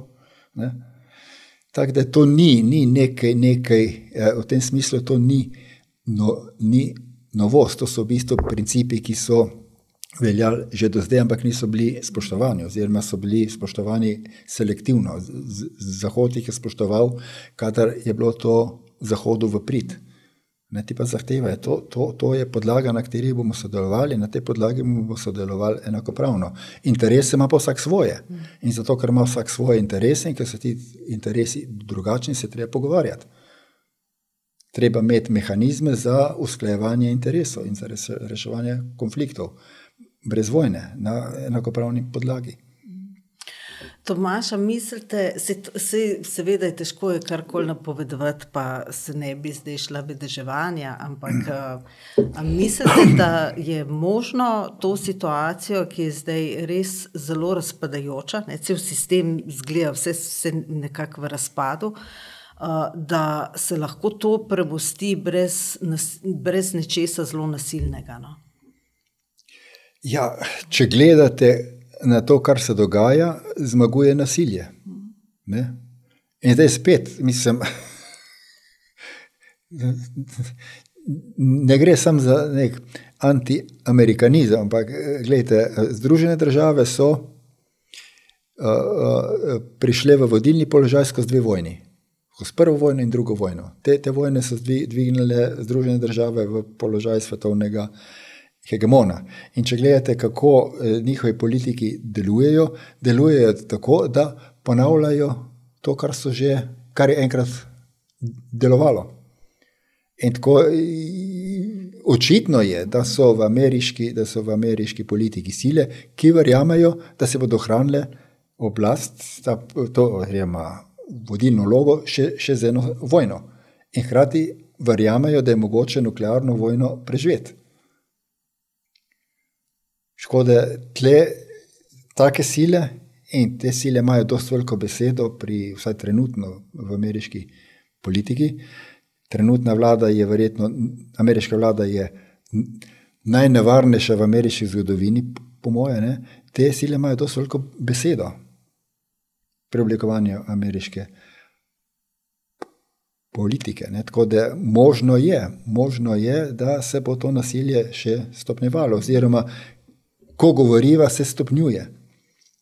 Bo, bo, bodo, bodo sposobni ti odločevalci, veliki odločevalci, se zaustaviti, narediti korak nazaj, težko reči. To je dejansko zdaj boj, kot zgleda, boj na življenje in smrt.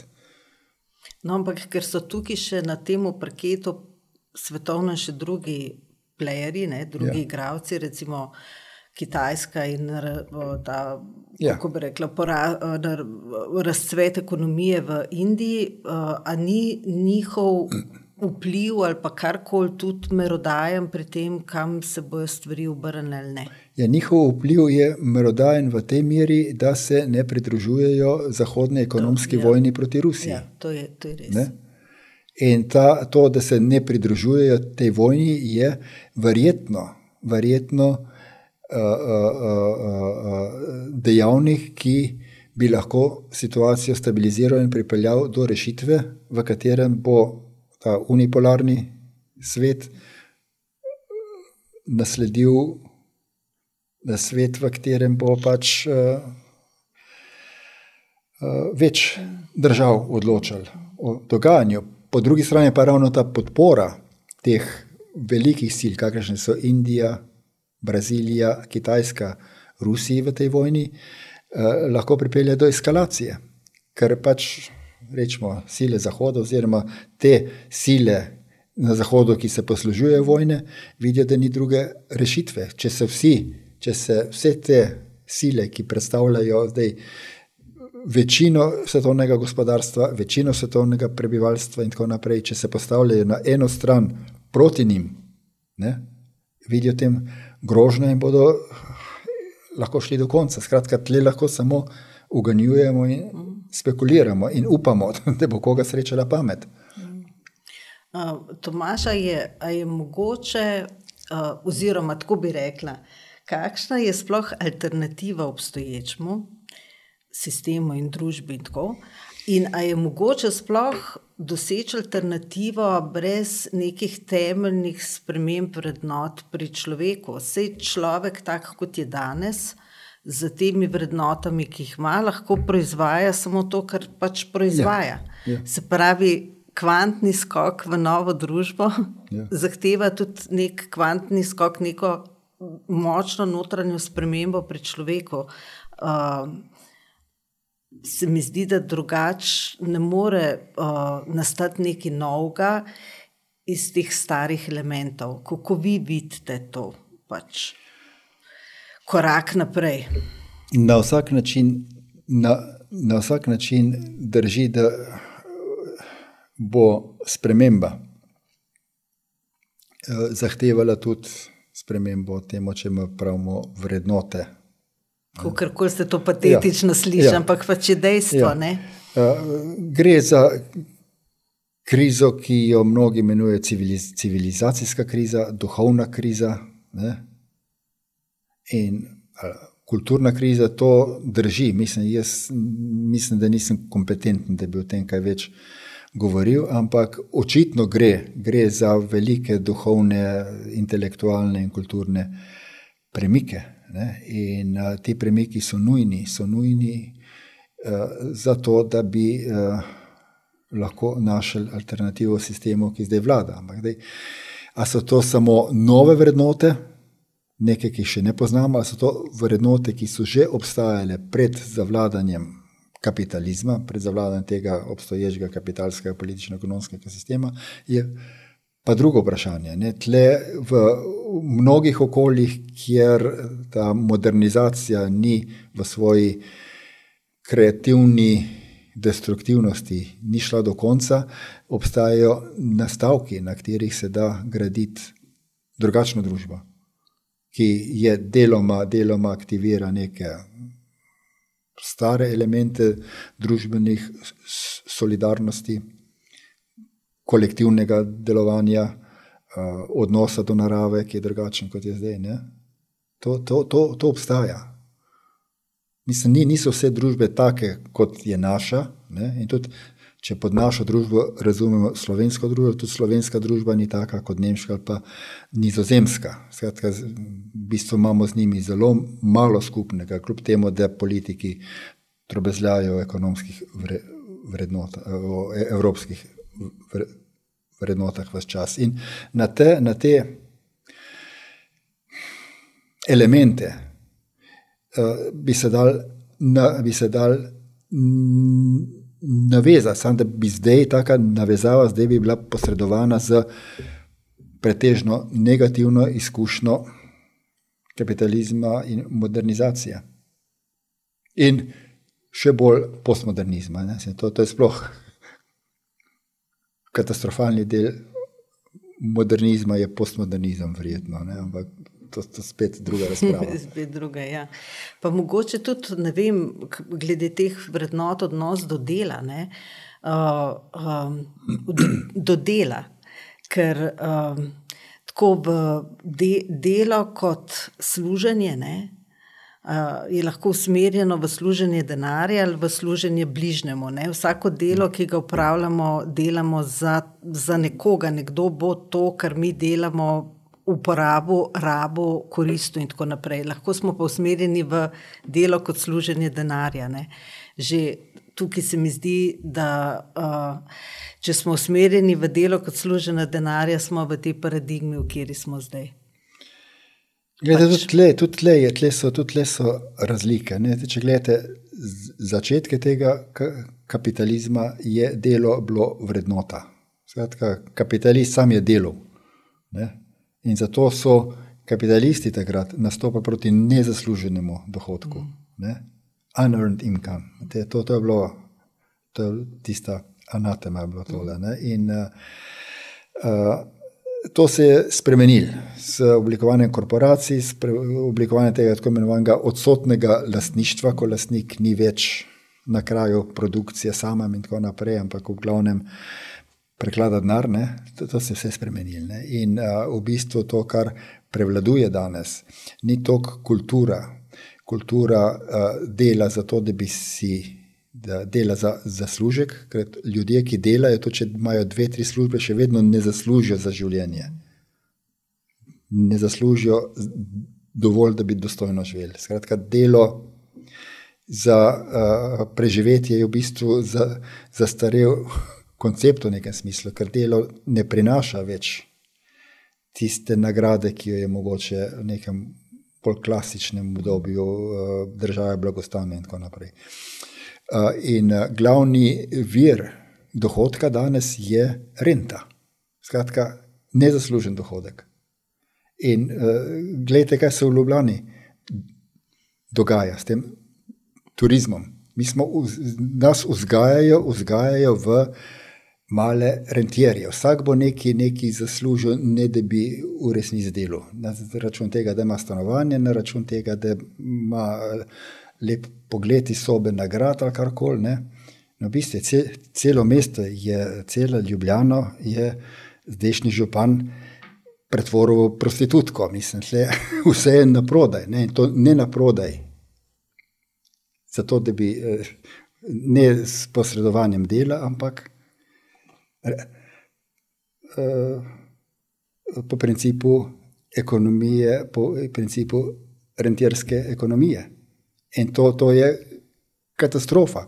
Če gledate v sosednji državi, naši, eh, tam, kjer je turizem najbolj razvit, mlade generacije nimajo nobenega znanja in kvalifikacije več.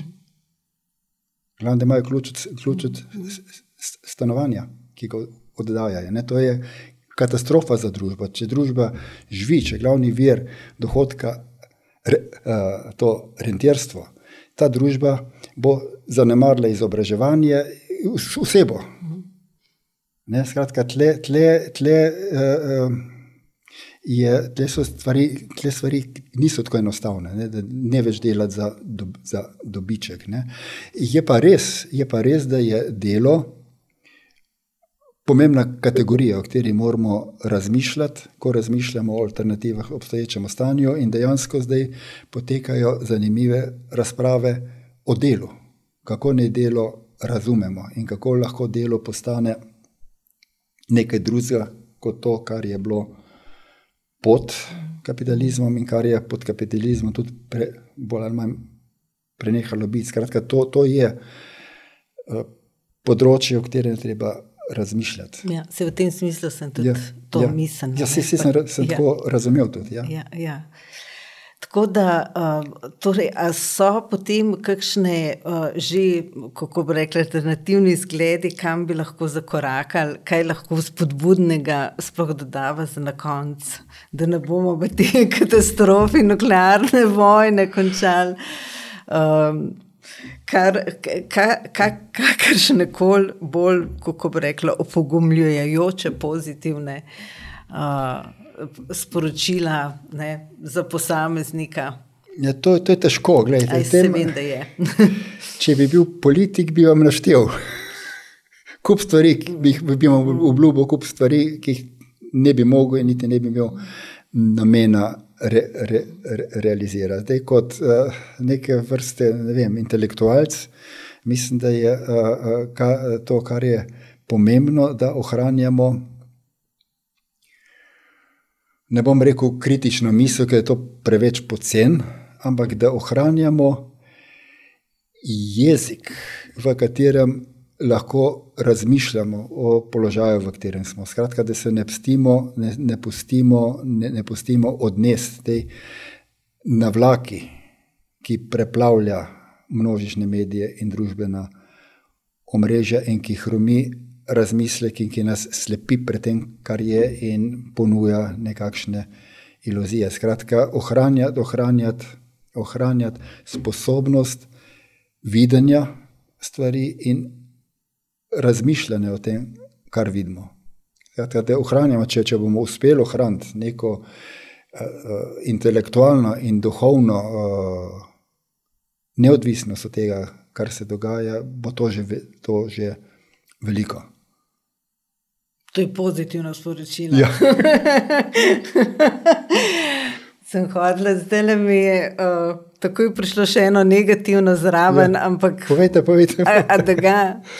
Uh, ko ste to govorili, pač se mi je porodil ta podatek, da uh, se prvič v civilizaciji, prvič v zgodovini zdaj dogaja, da je generacija, ki uh, je sedaj mlada generacija, da ima manj znanja od predhodne generacije. Ja.